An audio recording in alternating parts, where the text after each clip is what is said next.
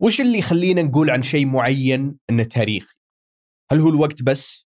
يعني المباني على سبيل المثال، هل نوصف كل المباني القديمة بأنها مباني تاريخية؟ أحس إن أغلبنا بيقولون لا.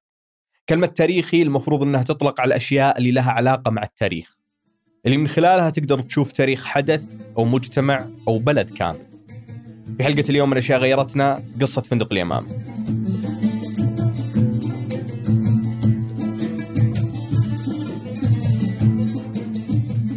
يا هلا أنا مازن العتيبي وهذا بودكاست أشياء غيرتنا. في كل حلقة أجلس مع المؤرخ الاجتماعي منصور العساف ونستعرض شكل من أشكال تغير المجتمع السعودي. قبل ما ندخل على سبب أهمية فندق اليمامة خلونا نبدأ بأن مفهوم السكن في غرفة مستأجرة كان موجود من زمان عند العرب. كلمة فندق أصلا كلمة عربية قديمة يعني حتى أبو فرج الأصفهاني في كتابه الأغاني الشهير تصور يعني سنة 1000 عفوا سنة 300 و25 سنة 350 وإلى اخره حوله كذا 350 فنزل البصرة ونزل في فندق. فكانت الفنادق موجودة فيقول له وجدت عند منامي يعني عند سريره إنه كان في, في واحد كان ساكن الغرفه قبله كاتب قصيدة بال بجدار الغرفة كاتب قصيدة. مثل ما يصير في أي فندق يعني تلقاها إلى الآن. بس الغرف اللي مكتوب على جدرانها قصايد تصير غير كافية مع دخول مفهوم الدولة. الدولة عندها طبعا ضيوف ومراسم بروتوكولات واستقبالات. لابد يكون في قصور ضيافه ضيافة وإلى آخره. ولما استقر الأمن آه، التجار برضو بادروا والدولة برضو بادرت، خليني بقول لك مثلا في في جدة بنى ابن سليمان آه، جدة Palace قصر جدة Palace ابن سليمان وزير عبد الله بن سليمان. وبنى كذلك الظاهر فندق الكندرة.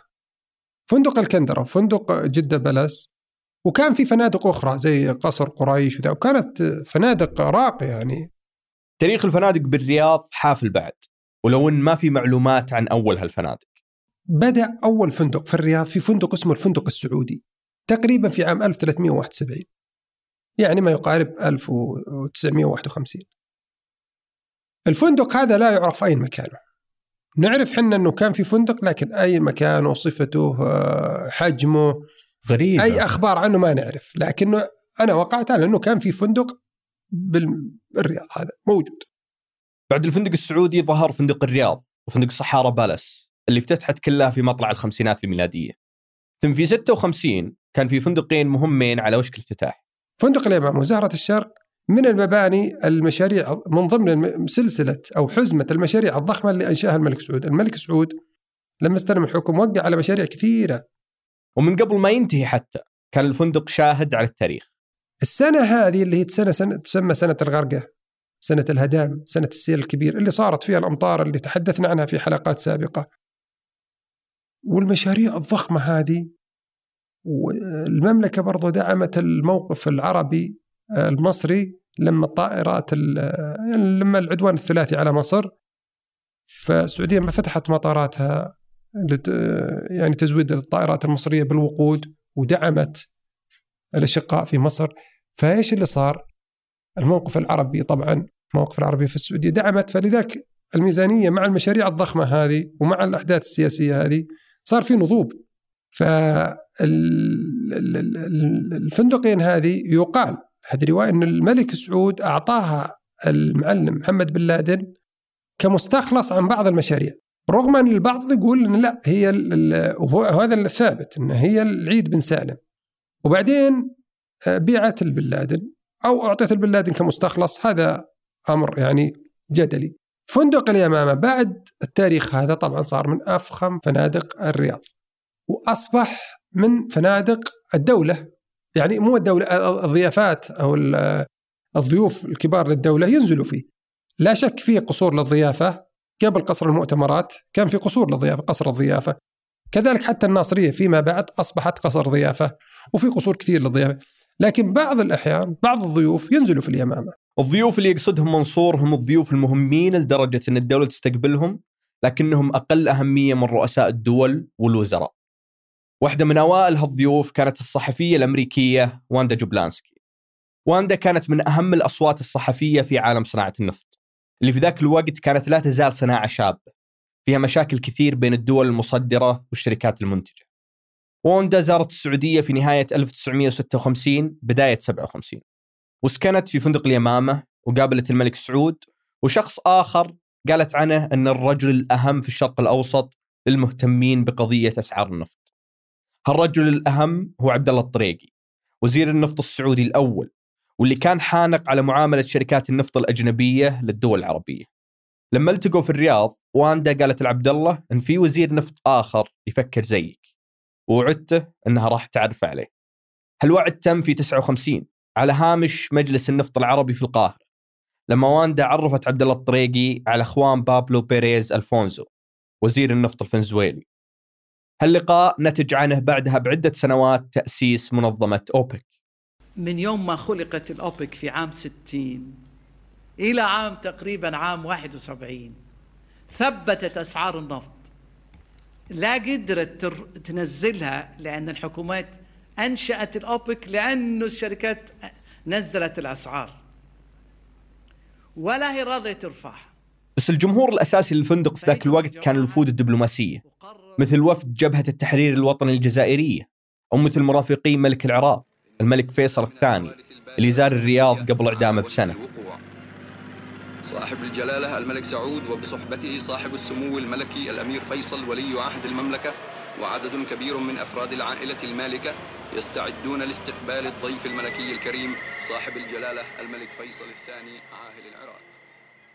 الآن دخلنا الستينات فترة عز فندق اليمام واللي بعد كانت فترة انتشار صيت الرياض كعاصمة عربية وبداية استكشاف الناس لها نزل فيه كذلك فريق آه، إعلامي في مطلع الستينات أو في نهاية السبعينات في نهاية الخمسينات الميلادية اللي هو فريق آه، مجلة قافلة الزيت مجلة المجله الخاصة بأرامكو. فمن خلاله نزل وصور الرياض صور نادرة وكذلك صور آه، بما كتب يعني صور صور فوتوغرافية وصور حال الرياض أقصد بكتابته يعني شرح وضع الرياض. آه.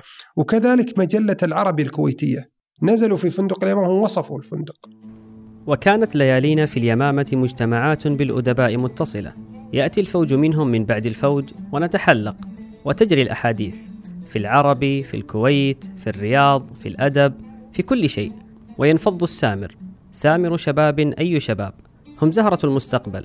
وهم أهل الرأي رجالا بعد خمس أو عشر من السنين وهذا جانب آخر من أهمية فندق اليمامة وهو إنه كان مكان تجمع الأدباء والمثقفين. اولا لأن الأدباء والمثقفين في ذاك الوقت كانوا غالبا من قيادات الدولة وكان كثير من شغلهم يتم في بهو الفندق أو حتى في غرفة مثل الاديب والشاعر حسين عرب اللي كان أول وزير للحج والأوقاف وكان يدير الوزارة في أيامها الأولى من غرفة في فندق اليمامة. السبب الثاني لكون الفندق مكان تجمع المثقفين هو قربه من مؤسسة اليمامة اللي تنشر مجلة اليمامة وجريدة الرياض. فكان يعمل فيها عدد من الصحفيين والأدباء السعوديين وما كان في مقاهي يجتمعون فيها مع بعض بعد الدوام. فصار بهو الفندق هو المكان الأفضل للاجتماعات الخفيفة على الشاي والقهوة. مثل ما يشهد غازي القصيبي في كتاب صوت من الخليج. واسم غازي يرتبط بالفندق في أكثر من حادث كان فيه آه، مساجلات أدبية رفيعة بين الدكتور غازي القصيبي في السبعينات والشاعر البحريني المعروف عبد الرحمن رفيع. حتى أن عبد الرحمن رفيع كتب قصيدة مشهورة اسمها فندق اليمامة وأرسلها الغازي القصيبي. أتينا للرياض يا أبا سهيل لنسعد باللقاء قالوا وزير صناعة ولا وقت عنده. بس أبو سهيل غالبا ما كان يلام لأن فترة السبعينات كانت فترة مهمة في السعودية وفي المنطقة العربية بشكل كامل.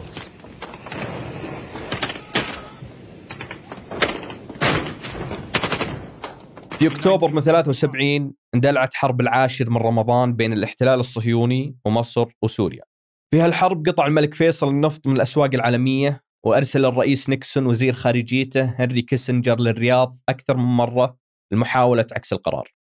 وحتى هالحدث لعب فندق اليمامة دور فيه.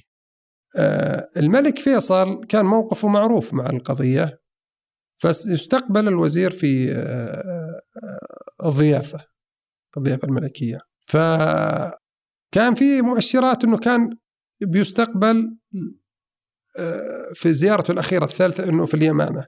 استدلال على أن المملكة رافضة تغيير موقفها. بجانب الاستضافات السياسية والأدبية الفندق استضاف وفود رياضية مهمة في السبعينات. آه، فريق آه، سانتوس البرازيلي حضر للمملكة ولعب مع للرياض ولعب مع المنتخب السعودي. نزل بيليه نزل في اليمامة. دورة الخليج اللي افتت... اللي في صار فيها الثانية اللي دورة الخليج الثانية اللي كانت في. الرياض.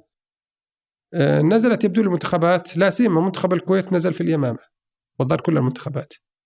بجانب كونها فترة سياسية ورياضية مهمة السبعينات كانت فترة الشيء اللي مستحيل تمر حلقة بدون ما نجيب طريه الطفرة. واللي بجانب تغيير هالحياة المجتمع كانت تغير في نظرة الأجانب للسعودية بنفس الوقت لأن كثير منهم جو للبلد عشان يشتغلون على المشاريع الحكومية الضخمة اللي كانت تحت التطوير.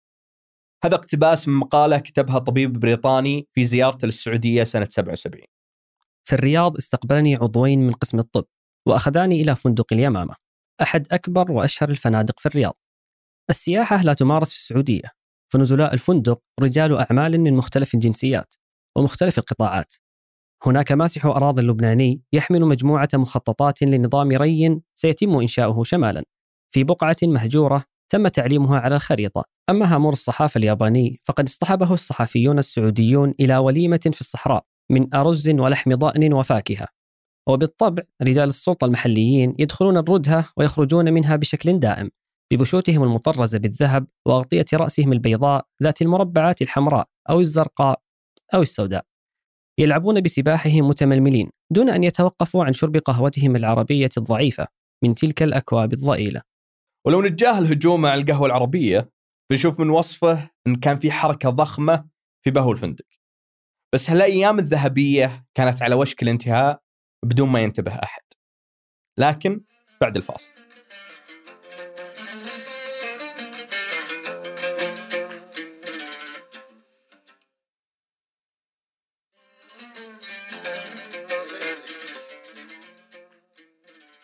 قبل الفاصل كنا نتكلم على الأيام الذهبية لفندق اليمامة.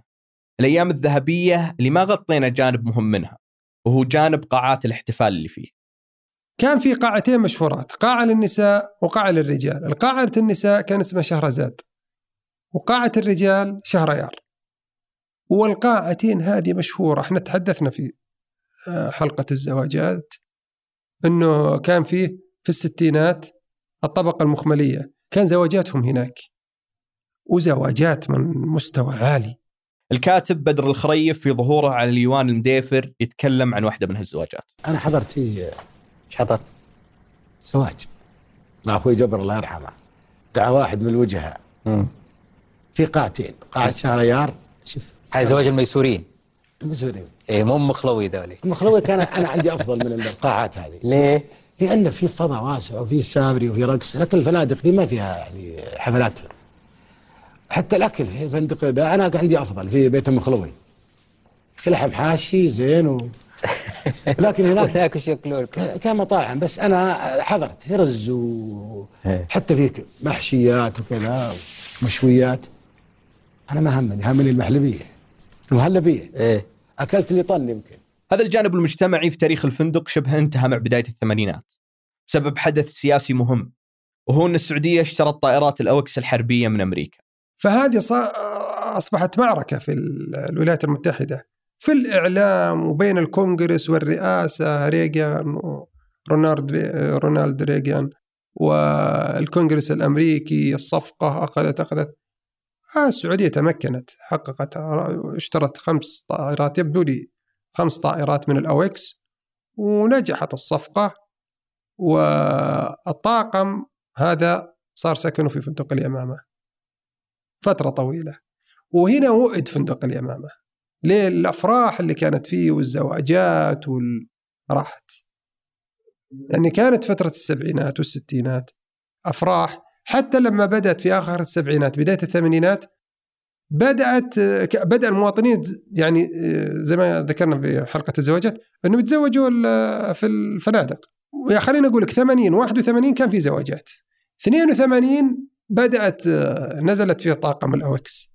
فأخذوا كل ال... أخذوا أغلبه وكذا أصبح رسمي أكثر مما هو. فغابت عنه لياليه وأماسيه. بجانب عزوف الناس عن إحياء زواجاتهم فيه واجه الفندق مشكلة إضافية وهو أن حتى المثقفين والأدباء صار عندهم خيارات إضافية لجلساتهم مثل فندق السعودية اللي على شارع الناصرية. وحتى الضيوف المهمين صار عندهم خيارات ثانية. الفندق الفخم سابقا صار عمره وقتها أكثر من 25 سنة. ما كان سيء لدرجة إنه يقفل. لكن بعد ما عاد هو الفندق الفخم اللي قال فيه نمر بن صنعة الله يرحمه اللي تواجهت أنا وياه حسين الطبيعة لو على الشوك كني في أوتيل اليمامة. وبكذا بدأ الفندق انحداره البطيء نحو الهاوية. وكان يعيش تماما على ذكريات وحنين الناس.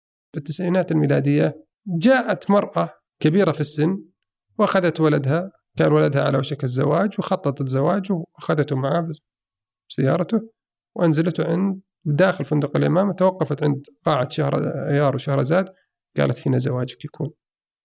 فندق اليمامة في التسعينات كان فندق في خريف العمر. السبب إن الأم مش قالت لولدها؟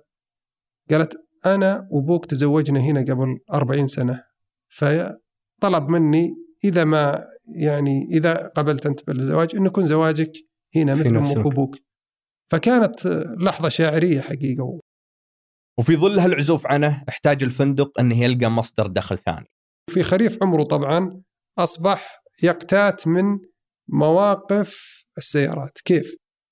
أنت قدامك الآن كلها وزارات موقع حيوي فكل ما المراجعين لا سيما مكت... اللي وزارة الداخلية أصبحت فيما بعد مكتب الاستقدام مقرها. لما انتقلت وزارة الداخليه لمبناها الحالي أصبح المبنى القديم لوزارة الداخلية مكتب الاستقدام. فكل المراجعين لمكتب الاستقدام ومن قبل وزارة الداخلية والوزارات المجاورة والدول الحكومية المجاورة كلها حاجة إلى مواقف المراجعين. فكانت فندق اليمامة كبير ويستوعب ما كان في دورين المواقف الأرضية يعني بس. فكان كل سيارة بعشرة. فاقتات منها الفندق فترة طويلة. بس أحد الأشخاص اللي كان يزور الفندق لسبب أهم من إنه يوقف سيارته هو منصور اللي زاره أكثر من مرة لتغطية صحفية وزاره بعدها من باب الحنين. في إحدى زياراته قبل كم سنة وصله خبر حزين. قال لي أحد الموظفين العاملين فيه إذا تذكر لي عمل وذا قلت ليه عملك هنا مناسب وش فيه؟ قال آه، والله هم خلاص بيتخل يعني بي آه، ينتهي عقدنا والفندق يبي يزال أيوه عرفت إنه بيزال طبعا استأذنت ال- الزملاء في الفندق وقلت تسمحوا لي أصور وكان في زواج وهو مو في خريف العمر في في آخر حياته. وفيه كان في زواج. وفرح. وصورت القاعة من برا طبعا صورت اللمبات والإضاءات والأنوار ال- والزهور. وبعدين صورته من جوا دخلت وبعدين طلعت للأجنحة. والله موقع خلاب حقيقي يعني ما أجمل التاريخ كيف أعادني لربيبة سمراء من أحفادي. يعني شفت فيه كيف الزواجات يعني عشت الوضع حقيقة. وصورت من بلكوناته. الشرف هذه كانت فائقة ورائقة. يعني لا تكاد تتصور كيف هي في الليل حقيقة. الغرفة كبيرة والبلكونة كبيرة. والبلكونة تطل على كل الساحة. وبعدين حتى اللي خلف تقول لا والله اللي خلف أفضل. يطلوا على كل الخضار هذا والملاعب والمسابح وال... وملاعب التنس وملاعب السلة وملاعب كرة القدم. ملاعب مي ملعب ملاعب كثيرة. ولا واشجار النخيل؟ عموما آه واسمحوا لي صورته. صورت صورة ليلية وكانت في فرح وكانت صور حقيقة رائعة. وطلعت يعني, يعني حتى أنا حزين. يعني أترقب خطواتي. وجلست في البهو وأنا مرتقب في موضعي مرخف السمع لوقع القدم. بس أشوف الفندق هذا كيف كان وقته اثنين عمره 62 سنة. وكيف لأن أحداث كثيرة تاريخية اجتماعية. سياسية اقتصادية. كنت أقرأ عنها وأدونها وأكتب عنها. وكنت أستشعر الموقف لأني كنت كانت كلها كانت هنا في هالموقع هذا. بس حتى هو يعرف إنه راح يتم إغلاقه، منصور ما توقع إنه تتم إزالته بشكل مفاجئ وبدون أي محاولة لتخليد مكانته التاريخية.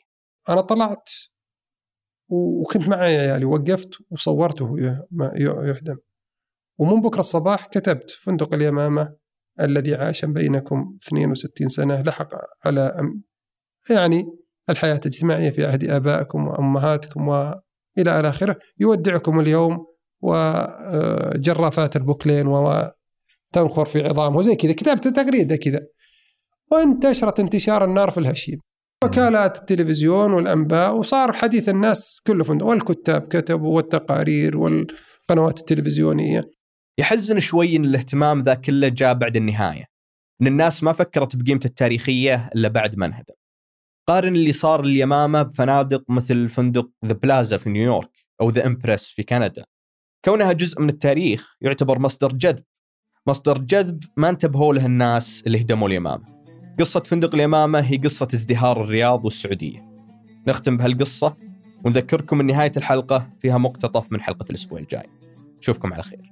يقول في عام 65 حينما كنت أصعد كنت أتيت من عملي في جولة صحفية شاقة في شوارع وميادين وأزقة الرياض وأنا في أوتيل ما قال فندق أوتيل اليمامة أصعد درجه الواسع ويعرق جبيني من الحر. أنا الآن أصعد المصعد المكيف في برج المملكة وأشاهد أمامي الرياض قطعة من الضوء. هذه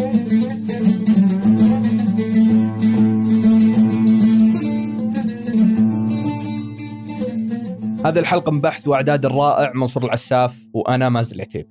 حررها الرجل الأهم ثمود بن محفوظ وهندسها صوتيا محمد الحسن وراجعها أيمن الحمادي والوليد العيسى. وبعدين الآن لا زالوا مثلا لعيبة الاتحاد الشعار كذا يتذكرونه أو يجي يقول لك الاتحاد قوة ويرفع الكف كذا أو مو الكف الذراع كذا اتحاد قوة. وهي مأخوذة من أصلا مغامرة كانت في عام 1402 في رمضان عام 82 في رمضان اسمها اللي هو الرجل الحديدي. أوكي. فكان لما يتحد الاثنين الرجل الحديدي لميس مع الرجل الحديدي وزي كذا فيتحدوا فيقولون في الاتحاد قوة يرددون في الاتحاد قوة في الاتحاد قوة. وترفع القبضة هذه. فانتقلت إلى نادي الاتحاد وانتقلت مع ظهور المنتج هذا. وكانت شعاره القبضة وفي الاتحاد قوة وانتشرت مع النادي.